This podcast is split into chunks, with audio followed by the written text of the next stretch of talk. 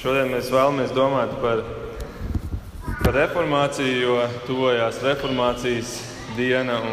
Šogad, kā jūs visi zināt, noteikti ir 500 gadu jubileja šim lielajam notikumam.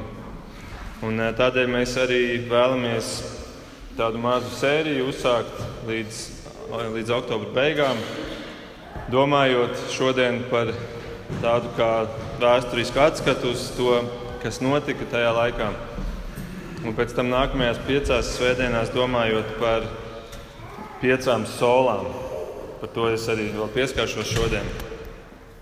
Un, tā ir mūsu protestantu un evaņģēliskās baznīcas dzimšanas diena, šie, šie 500 gadi atpakaļ. Un, un tādēļ šodien varbūt būs mazliet citādāk. Mana uzruna varbūt nebūs tik daudz Bībeles studēšana, kā tas ir parasti, bet mēs vairāk paskatīsimies uz vēsturiskiem notikumiem. Bet, uh, tomēr es vēlos, ka ir arī Dieva vārds um, arī šodienas uzrunā. Un tādēļ es aicinu izlasīsim kopā divus pantus no Romiešu vēstules pirmās nodaļas. Romiešiem viens. Divus pantus, kuri spēlē iespējams vissvarīgāko lomu tieši šajā, šajā reformācijas notikumā. Romiešiem 1, 16, 17. Es nekaunos evaņģēlīju. Tas ir Dieva spēks pestīšanai ikvienam, kas tic, jūdam vispirms un arī grieķim. Jo tajā Dieva taisnība atklājās no ticības uz ticību, kā ir rakstīts. Taisnais no ticības dzīvos. Taisnais no ticības dzīvos. Un eh, šodien es vēlos padomāt par tādiem trim jautājumiem. Pirmais jautājums būs par to, kas notika pirms reformācijas. Kas bija tas, kas aizveda cilvēci līdz šim notikumam? Otrais jautājums būs par to, kas tad notika pašā reformācijā. Un trešais jautājums, vai mums šodien ir vajadzīga jauna reformācija? Vārds reformācija ir, nāk no latīņu vārda reformāre, un tas nozīmē formēt kaut ko no jauna. Jeb citiem vārdiem sakot, atjaunot. Atjaunot vēlamajā formā, atjaunot iepriekšējā, sākotnējā formā. Un, kad mēs lietojam šo vārdu reformācija, tad mēs visticamāk uzreiz saprotam to 16. gadsimta notikumu, kuru mēs arī svinam šogad 500 gadus. Bet patiesībā šāda reformācija, jeb atjaunošanās, notiek jau sen. Vēsture ir pilna ar reformācijām, ja tā varētu teikt. Un Bībelē mēs redzam sēriju ar daudzām reformācijām. Mēs varam daudzas redzēt, bet, ja mēs tā iedalām tādos lielos soļos, tad mēs varētu izcelt kādas četras reformācijas.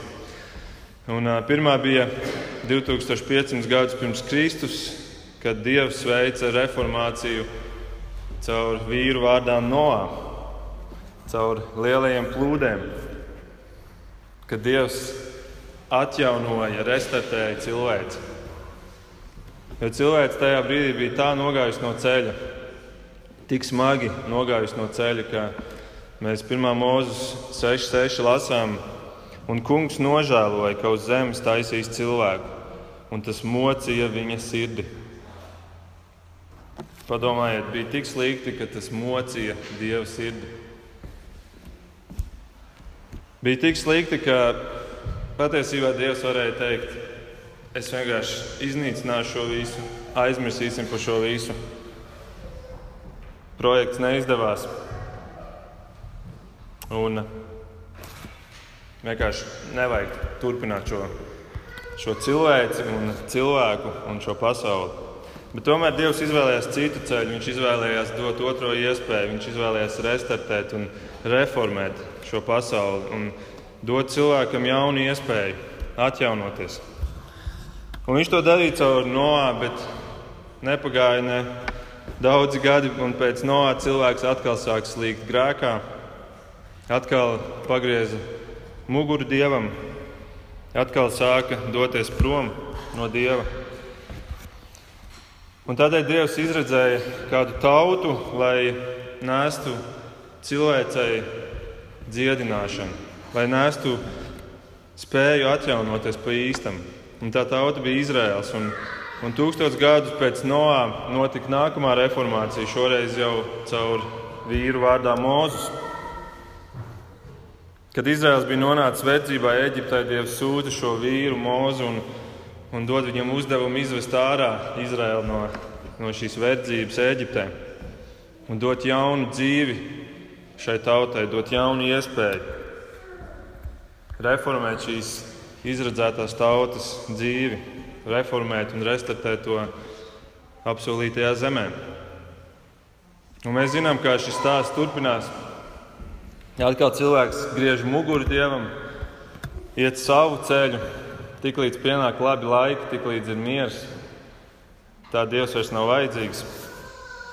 Un cilvēks atkal iet savu ceļu, kas vienmēr aizved grēkā. Un šis grēka ceļš Izrēlam atkal tūkstoš gadu vēlāk noveda līdz Bābeles trimdai.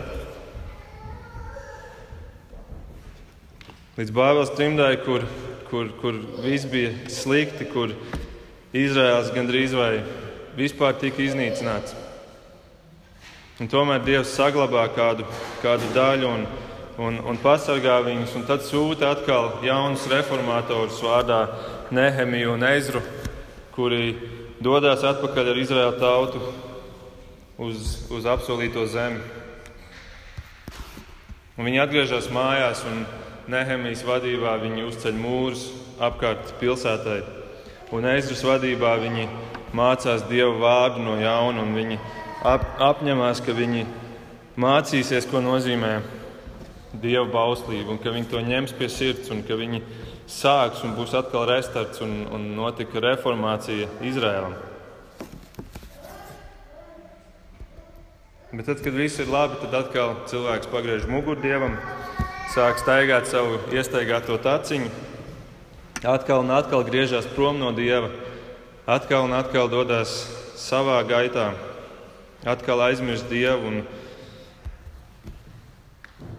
un ar to viņš patiesībā apliecina, ka ka tas ēdenē iestādītais grēks, tas iesētais grēks to dienu, ka viņš nāk līdzi un ka no viņa tik viegli nav tikt vaļā. Un ka nekas āršķirīgs, nekāda āršķirīga reformācija nespēs atrisināt šo problēmu. Tā pa īstam. Un tādēļ 500 gadus vēlāk, pēc, pēc Nehemijas un Ezras Dievs sūta lielāko reformātoru, kādu šī pasaule redzējusi. Lielāko reformāciju caur vīru vārdā Jēzus Kristus, kurš atnes to, to iekšējo reformāciju, to iekšējo atjaunošanos garā, kurš atnāk un izņem cilvēkam to akmens sirdi un ieliek miesas sirdi. Reformācija iekšēji, ko neviens cilvēks nekad nespētu izdarīt. To spēja tikai Dievs darīt. Jo visi cilvēki centieni kaut ko reformēt ir tikai ārējā apvalka uzspodināšana. Un tādēļ nāk šis Dieva dēls, viņš atnes to īsto reformāciju, to visvērtīgāko reformāciju. Un mēs varētu teikt, tā ir pēdējā un vairāk cilvēcei pēc tam nebūtu vajadzības reformēties. Ja jau ir atnākusi tā īstā, tā patiesā, tā visspēcīgākā reformācija, tad kopš Kristus Golgātas krusta nāves vajadzētu būt tā, ka, ka kristīgo draugu viss ir kārtībā un viss notiek skaisti, un, un ka mēs dzīvojam to perfekto kristiešu dzīvi. Bet kā jau tas ir ar tām vērtīgajām lietām, ar tām patiesajām lietām, tur ir tas risks, ka tās tiks viltotas. Neviens nevilto mazvērtīgas lietas. Ja jūs aiziesiet uz kādu, uz kādu melno tirgu vai uz kādu tirdziņu, kur tiek tirgotas viltotas preces, kāds arī notiek mūsu centrālajā tirgu joprojām, jūs tur neatradīsiet nepazīstams zīmols. Tās lietas, kas tiek viltotas, tās ir vērtīgās. Un tāpat ir ar šo reformāciju, ar šo patieso reformāciju, kur atnes Kristus, tā ir tik vērtīga, ka to ir vērts viltot. Un tāpēc Sātans pieliek īpašas pūles, tādas pūles, kādas nav. Viņš nav pielicis nevienai reformācijai pirms tam. Viņš pieliek pūles, lai viltot šo patieso atgriešanos. Un tas, ko viņš dara, viņš piedāvā šo reformāciju aizvietot atkal ar kaut ko āršķirīgu. Un tādēļ mēs lasām pāris desmit gadus pēc Golgātas. Mēs jau lasām, ka Pāvilam ir jāraksta vēstule galotiešiem un jāraksta diezgan asā tonī, to, ko Ansis lasīja ievadā. No galotiešiem 3, 1 līdz 11, kur, kur viņš saka, ak, jūs bezprā, bezprātīgie galatieši, kas jūs ir nobūris? Un, un tālāk tekstā Vai jūs esat tādi nejēgas, ka jūs reiz esat sākuši garā un nu jūs gribat tapt pilnīgi caur miesu? Jūs nejēgas, jūs bezprātīgi, kas jūs ir nobūris? Citiem vārdiem sakot, jums tika dota šī iekšējā reformācija, un jūs tagad gribat aizvietot to ar kaut ko ārēju. Jums ir dota šī visvērtīgākā, un jūs to gribat aizvietot ar to viltoto sātana āršķirīgo reformāciju. Un tā cilvēks atkal sāk doties prom no dieva. Viņš meklē āršķirīgos līdzekļos savu piepildījumu, darbos, morālā dzīvesveidā. Un tā tas turpinās 1500 gadu. 1500 gadu, kur notiek labas lietas, bet kopumā kristīgā baznīca iestaigā grēka ceļu un iestiek tādā tumsā, kāda iespējams iepriekš nav bijusi. Kur tā izvēlās atkal iet miesas ceļu nevis gara ceļu. Un mums, kristiešiem, daudz ir jādzird no ateistiem pārmetumu par krustnešiem, kad viņi nāca un ar varu uzspieda evaņģēlīju Eiropai, un kas tā ir par kristietību. Un, un visi tie krusta kari. Un patiesība tāda ir, jā, tas viss bija patiesībā ļoti nebībliski. Tas bija pretēji tam, ko Kristus mācīja.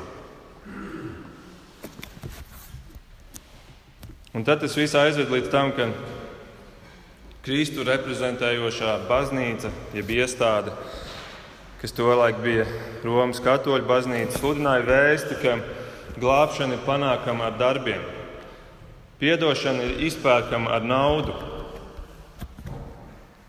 ka ir tāda šķīstītāva, ja purgatorija, kur pēc nāves tu nonāksi un tu varēsi ar darbiem, ar mocībām un ar, ar savu, savu ieguldījumu vēl atpirkties no grēkiem, lai tu beigās tiktu uz debesīm.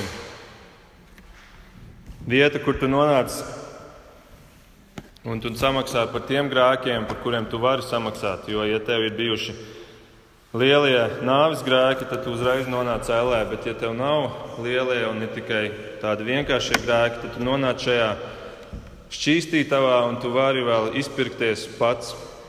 Vai arī kādi cilvēki, kuri vēl dzīvi, var tevi izpirkt, un tu nonāc beigās pie Dieva debesīs. Un to mācīja kristīgā, Kristus reprezentējošā baznīca. Un tā, protams, ir mācība, kuru mēs, protestanti, noraidām kā maldus. Jo mēs no Bībeles saprotam, ka pēc nāves uzreiz būs tiesa. Mēs nevaram paļauties uz kādu starp soli, kurā mēs vēl varēsim izlabot lietas. Un tā nu šī Romas katoļu baznīca sāka tirgot indulģences.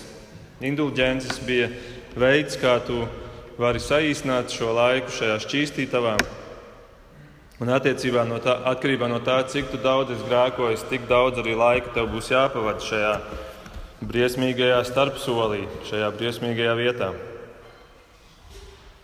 Un nopērkot inteliģences, tu ar naudu nomaksā jau daļu no šī soda, no šiem grēkiem, no šī laika. Un tu varēji pirkt inteliģences par sevi, bet, kā jau minēju, tu varēji arī pirkt par citiem. Un tu varēji arī par mirušiem cilvēkiem. Tātad, ja tev nomira kāds, kāds draugs vai radinieks, un tu nebija drošs par viņa glābšanu, tad tu varēji samaksāt baznīcai un palīdzēt viņam tikt debesīs. Ne par visiem grēkiem tu varēji, kā jau minēju, piemēram, par slepkavību, nē, bet par lietām kā melošanu vai iekārošanu. Par to visu indulģences bija derīgas.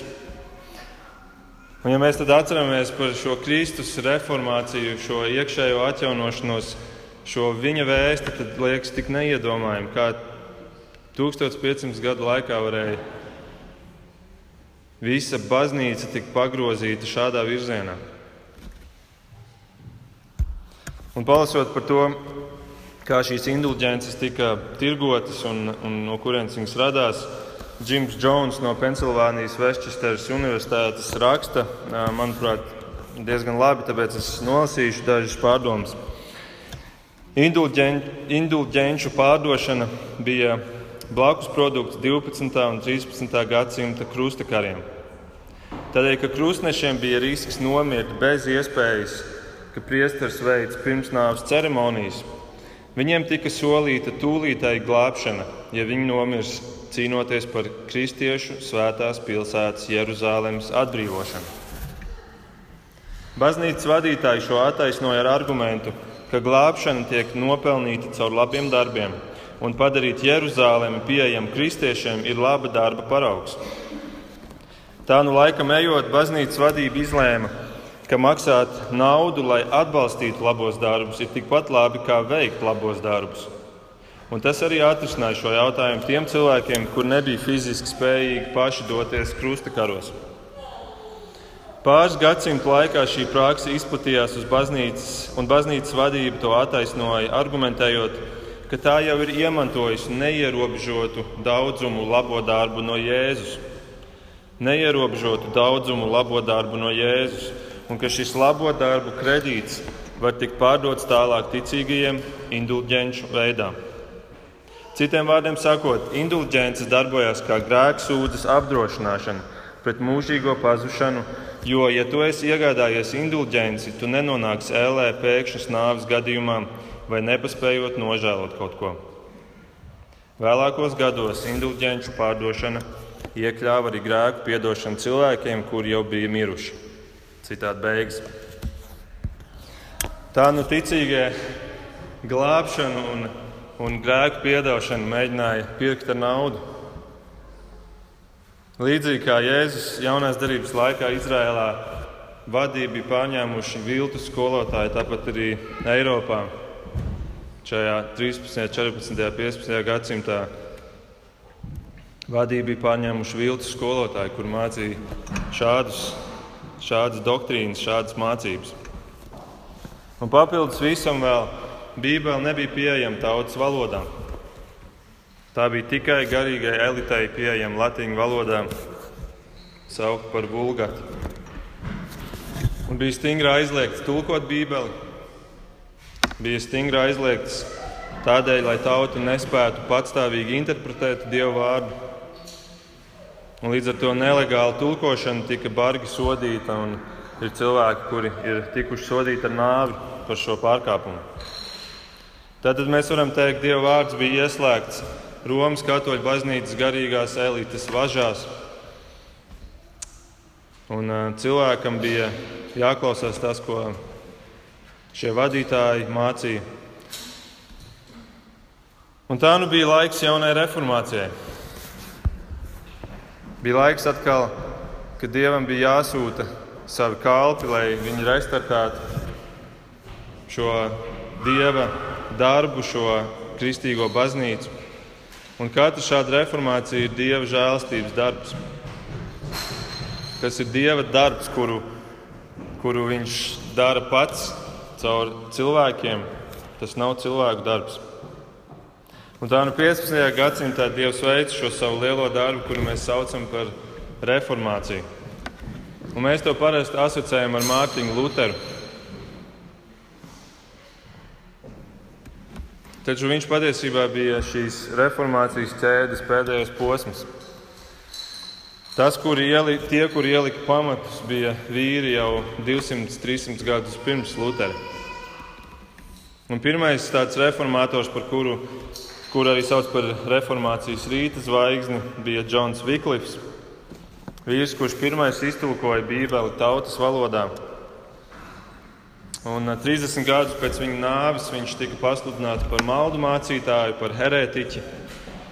Viņu jau mirušu izslēdza no baznīcas, lai apslēpētu jebkādus reformācijas asnus. Viņa kaulus izraka, iznīcināja, un viņa sekotājus sāka vajāt kā tādus pašus maldu mācītājus. Un viens no viņa sekotājiem bija Jānis Huss par kuru jūs arī noteikti esat dzirdējuši. Viens no pirmajiem, kurš aktīvi iestājās pret šīm indulģencēm. Un kad, kad, kad šīs baznīcas vadība konfrontēja viņu un aicināja viņam atkāpties no šīs savas nostājas, viņa atbilde bija šāda: Pat ja es stāvētu sārta priekšā, kas man sagatavots, es nepiekritīšu jūsu teoloģiskiem uzskatiem. Pagāja pieci gadi, un viņš stāvēja savā sārta priekšā, kur viņš arī deva savu dzīvību. Un viņam bija sabiedrotais vīrs vārdā Prāgas Džeroms, jeb Hieronymus, kā viņš arī tiek saukts. Darba biedrs, kurš redzot, ka Huss ir ticis arestēts, nāca viņam palīdzīgā. Kaut arī Huss bija brīdinājis, lai viņš to nedara. Viņš nāca viņam palīdzīgā nāca viņam palīdzīgā, viņu arestēja, viņu ielika cietumā, ielika tik necilvēcīgos apstākļos, ka viņš smagi saslima. Un šajā fiziskajā vājumā viņš tika piespiests parakstīt atkāpšanos no savu priekšgājēju Viklifa un Husa mācībām. Viņš to arī izdarīja. Viņš parakstīja, ka viņš atkāpjas no šiem uzskatiem. Tomēr Romas katoļu baznīca baidījās, ka viņš to nebūs domājis nopietni, un tādēļ viņu izlēma paturēt vēl cietumā un noturēt tiesas sēdi, kurā šis jautājums tiktu izskatīts. Un tiesā viņš atcēla savu atkāpšanos, par ko viņš tika izslēgts no baznīcas. Viņš tika sodīts ar nāvi, sadedzinot uz sārta tieši tāpat kā viņa draugu Jānu Husu. Kādā citā vietā ap to laiku Itālijā bija vēl viens vīrs, kurš arī tiek saukts par reformācijas pamatlicējiem - Girolamo Savonarola, Florences reformators. Un arī viņš sludināja pret baznīcas maldiem, un viņš paziņoja. Un viņam tika paziņots, ka mēs tevi izslēdzam no baznīcas karojošās un no baznīcas triumfējošās. Tātad no baznīcas šeit virs zemes un no baznīcas debesīs. Uz ko Savona Rola atbildēja: Ne no baznīcas triumfējošās, tas ir pāri jūsu spēkiem. Ne no baznīcas triumfējošās, tas ir pāri jūsu spēkiem. Un šajā izslēgšanas laikā, visā šajā posmā, viņš sarakstīja savu lielo meistardarbu, grāmatu um, Krusta triumfs, kurā viņš rakstīja par to, ka Kristus krusts ir pietiekams glābšanai un ka nekāds cilvēks darbs, nekādi labie darbi nespēja, nespēja to panākt. Un viņam aizliedza sludināt, ko viņš tomēr turpināja darīt, līdz arī viņš tika sodīts ar nāvi. Viņš tika pakārts un pēc tam sadedzināts, un viņa mirstīgās atliekas um, un viņa pelni tika savākti, lai sekotāji nevarētu tikt viņiem klāt un lai atkal apslāpēt jebkādu reformācijas iespējamību, jebkādus asnus, kas varētu izaugt no, šī, no šīs viņa nāves. Un tā viņi centās apslāpēt šos reformācijas sākuma um, licējus, šos, šos vīrus, kuri mēģināja, mēģināja izlausties cauri šīm važām, bija, ar kurām bija saslēgusi uh, glābšanu, evaņģēliju, Kristus baznīca. Romas katoļu baznīca. Un tomēr tas viņiem neizdevās. Jo Dievs turpināja sūtīt vēl un vēl šādus kalpus, un, un līdz viņš līdz kārta pienāca, mēs varētu teikt, Mārtiņam Lutheram, vācu priesterim un mūkam, kurš jau jūta šo pretestību šai pastāvošajai sistēmai, kuras daļa viņš arī bija pats. Un šī pretestība jau bija uzņēmusi, mēs varētu teikt, pat starptautiskus mērogus, jo, kā jau minēju, Viklīps bija no Anglijas, Hus un Džeroms bija no Čehijas, Savona Rola no Itālijas, un arī viņa Vācijā bija, bija jau pretestība. Un tomēr tas izšķirošais punkts Lutheram nebija visi šie vīri vai kāda ārējais aspekts Bet tas izšķirošais punkts, kā viņš pats liecina, nāca no Dieva, jeb konkrētāk no Dieva vārda, jeb vēl konkrētāk no romiešiem 1, 16, 17, ko mēs lasījām ievadā. Kur ir teikts, es nekaunos evaņģēlī, tas ir Dieva spēks pestīšanai. Tas ir Dieva spēks pestīšanai ikvienam, kas tic. Vispirms jūdam un arī grieķim, jo tajā dieva taisnība atklājas no ticības uz ticību. Kā ir rakstīts, taisnais no ticības dzīvos. Un kādā Christianity Today rakstā ir, ir labi aprakstīts um, tā īsi un kodolīgi par to, kāds bija Lutheram šis pagrieziena punkts, un es vēlos to nolasīt. Vienkārši paklausieties! Vienmēr, kad Luters savas kalpošanas pirmajos gados lasīja tekstu no romiešiem 1.17, kas vēlāk kļuva par slaveno reformācijas tekstu, viņa skatu nepiesaistīja vārds ticība, bet gan vārds taisnība. Kurš gan lai spētu dzīvot no ticības, kā vien tie, kuri jau ir taisni? Teksts šajā ziņā bija skaidrs. Tikai taisnība dzīvos no ticības. Luters par šo komentēja. Man riebās vārds Dieva taisnība, par kuru man vienmēr bija ticis mācīts pēc visu skolotāju parastās prakses, ka Dievs ir taisns un soda visus netaisnos grēciniekus.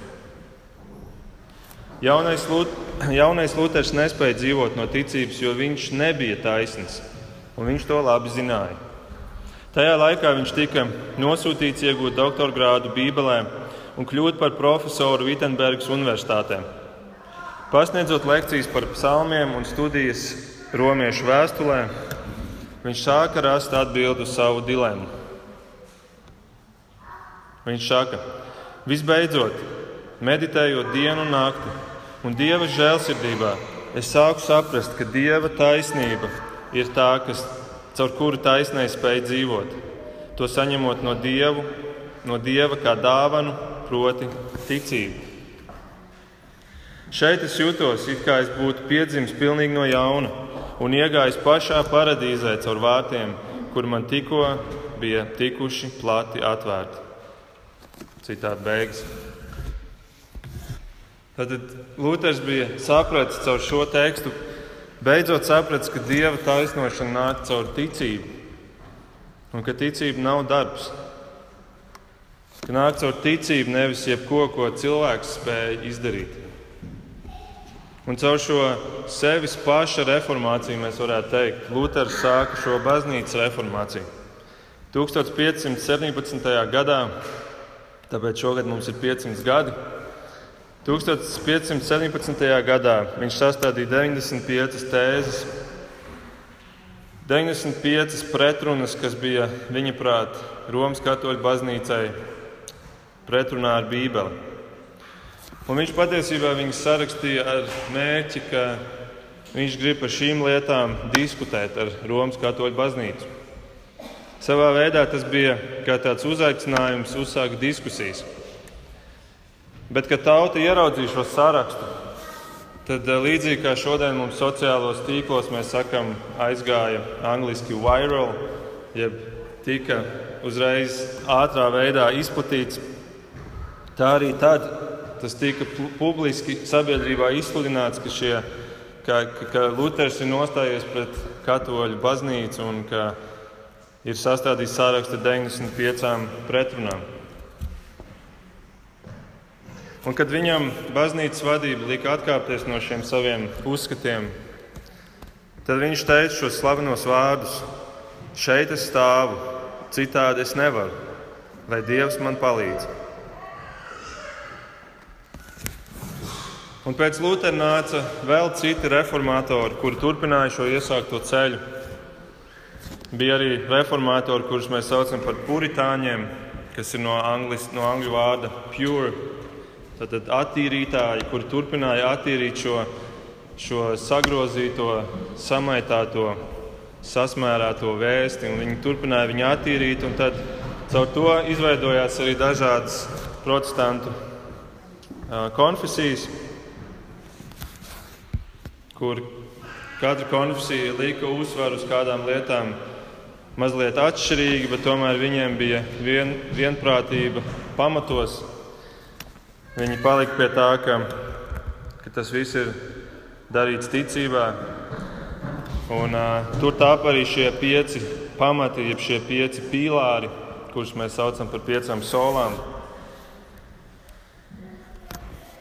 Sola scriptūra, jeb latviešu tikai svētie raksti, sola fide, tikai ticība, sola grācija, tikai žēlastība, solus Kristus, tikai Kristus, solī deo glorija, tikai Dieva godam.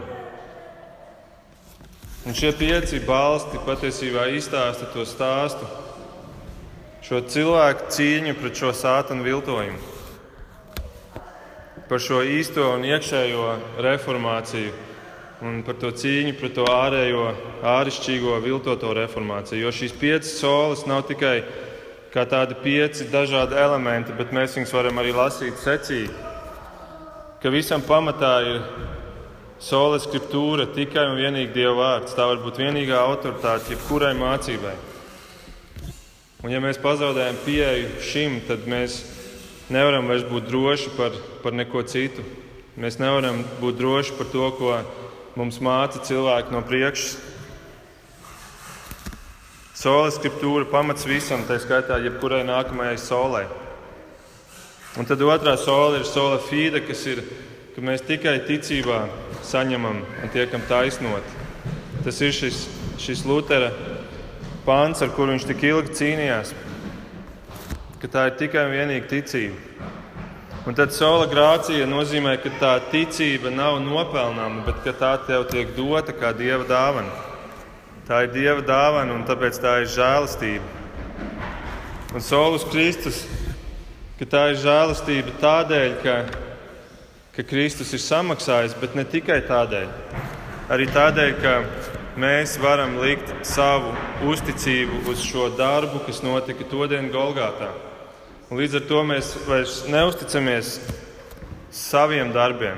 Mēs neusticamies tam, ka mēs paliksim pie šīs glābšanas, ka mēs būsim tik stipri, ka mēs noturēsim šo glābšanu.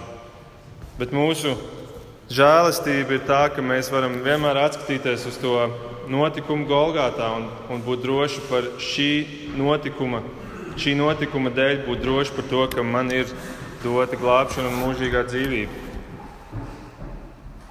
ka tā ir sa sakņota tikai un vienīgi Kristū, nevis manā rīcībā. Un visbeidzot, solideo glorija, ka tikai Dievam ir gods. Jo šis viss glābšanas stāsts patiesībā nav nemaz par mani. Tas ir par Dievu. Es neesmu radīts sevis dēļ. Es neesmu radīts sevis dēļ. Cilvēks nav radīts cilvēku dēļ, bet viņš ir radīts Dieva dēļ. Šī pasaule nav radīta cilvēku dēļ. Šī pasaule nav radīta cilvēku dēļ, tā ir radīta dieva dēļ. Un tādēļ dievam ir viss gods. Un tas arī atņem jebkuru pēdējo cerību maniem darbiem, ka es varētu būt tas, kurš iegūst glābšanu, un ka es varētu būt tas, kurš saglabā šo glābšanu līdz galam. Kā Augustīns ir rakstījis, Dievs neizvēlas mūs tādēļ, ka ticam, bet tādēļ, lai mēs ticētu. Un par šīm piecām solām mēs domāsim nākamajās piecās nedēļās, ja Dievs mums dos. Tad nu, pēdējais jautājums ir pagājuši atkal 500 gadi kopš šī notikuma, kopš šīs reformācijas. Jautājums ir, vai ir atkal jau, laiks jaunai reformācijai? Kur cilvēks ir devusies kopš šī notikuma? Mēs noteikti varētu atrast iemeslus un daudzus iemeslus, lai teiktu, jā, ir vajadzīga reformācija. Ir vajadzīga reformācija atkal šodien. Un tomēr mums ir jāsaka, ka reformēties tikai reformēšanās pēc, nē. ka tas atkal būs tikai ārēja reformēšanās, kur mēs, kur mēs uzpo, uzpodrinām kaut kādu ārējo tēlu. Un tādēļ reformācijai jānotiek katram individuāli, dienu no dienas. Un es vēlos, ka mēs arī par šo domājot, šīs piecas, sešas nedēļas, ka mēs domājam par to, kas ir tas, kur es redzu vajadzību reformēties. Kur man ir vajadzīga šī reformācija, ka es atgriežos pie tās tīrās formas, pie tās sākotnējās, pie tās, kuru Dievs ir paredzējis kristētim, lai viņš dzīvo tajā un ir svētīts. Pie tās reformācijas, kas man aizved atpakaļ pie tās tīrās ticības, jo visam pamatā ir šī ticība. Un ka mēs to ticību arī neredzam tikai kā tādu instrumentu, lai saņemtu glābšanu, Es domāju, ka mums varbūt daudziem tā reizēm ir, kad ir šī ticība, ir tā vajadzība, bet tad, kad es esmu iegūmis šo glābšanu, tad es to ticību varu atkal pastumt bišķiņu malā. Bet patiesībā tas ir tieši tas pats, ko cilvēks vienmēr ir darījusi. Pēc dieva šī glābšanas, reformēšanas, atjaunošanas darba viņa ir pastūmusi malā šo vajadzību pēc šīs ticības.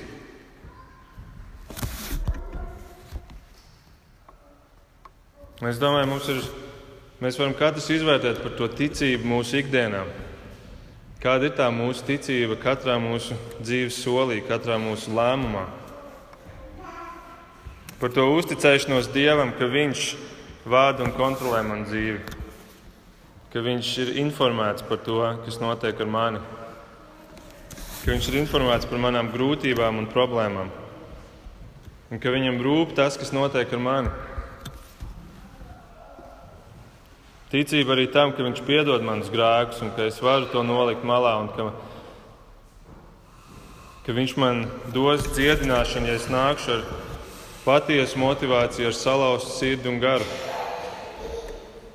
Un arī ticība ikdienā ejot šajā pasaulē, un ka es spēju sludināt viņu savā ikdienā, ka spēju liecināt par viņu kā par savu kungu. Tam visam ir vajadzīga šī ticība. Un, Un, un mums ir jāatgriežas un jāreformē šī ticība katru dienu no jauna.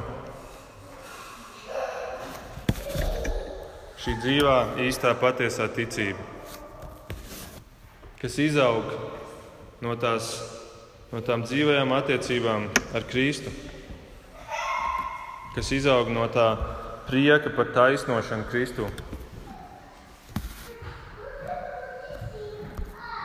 Čārlis Pērģents ir teicis, tā nav doktrīna par taisnošanu, kas padara manu sirdi labu, bet gan Kristus taisnotājs. Visam ir jābūt šajā saknotam Kristu, un, un tad es varu šo reformāciju katru dienu no jauna veikt sevī.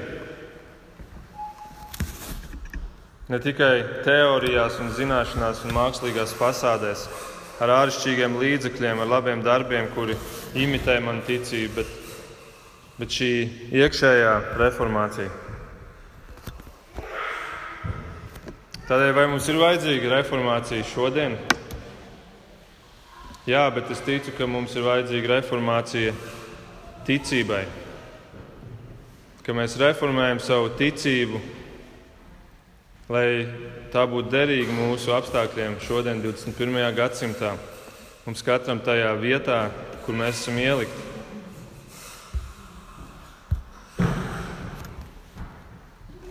Un šai reformācijai vienmēr ir jābūt ar šo iekšējo, ar šo uzsvaru uz to garīgo iekšējo un nekad uz to āršķirīgo un miesīgo.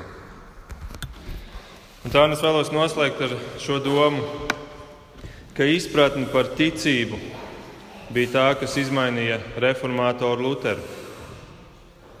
Ticība bija tā galvenā, tas galvenais instruments glābšanai, kuru atnesa reformātors Jēzus Kristus.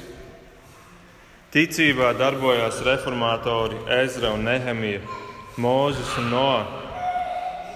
Jo ticība ir tā viena lieta, kur Dievs dāvina, bet, die, bet cilvēks nenovērtē kuru Dievs dāvina un cilvēks nostumi malā.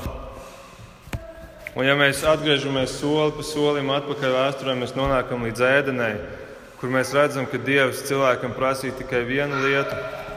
Tikai vienu lietu, un tā bija ticība, ka Dievs ir labs un ka viņa pavēles un nodoms ir labs. Viņš prasīja tikai ticību un uzticēšanos viņam, ka viņa norādījumi ir tie labākie cilvēkam. Un cilvēks to nenovērtēja. Viņš atmeta to malā un gāja savu ceļu, gāja grēku ceļu. Un kopš tās dienas reformācija nozīmē atgriešanās pie ticības, pie šīs tīrās, patiesās, iekšējās ticības. Un mans novēlējums ir, ka mēs varētu caur šīm nākamajām piecām nedēļām domāt par to savu ticības reformēšanu. Tie būs pieci dažādi veidi, pieci dažādi uzsvari, bet tomēr vienmēr šis uzsvars uz to manu ticību, kā es to varu reformēt, lai es būtu derīgs Dieva darbam. Lūksim Dievu!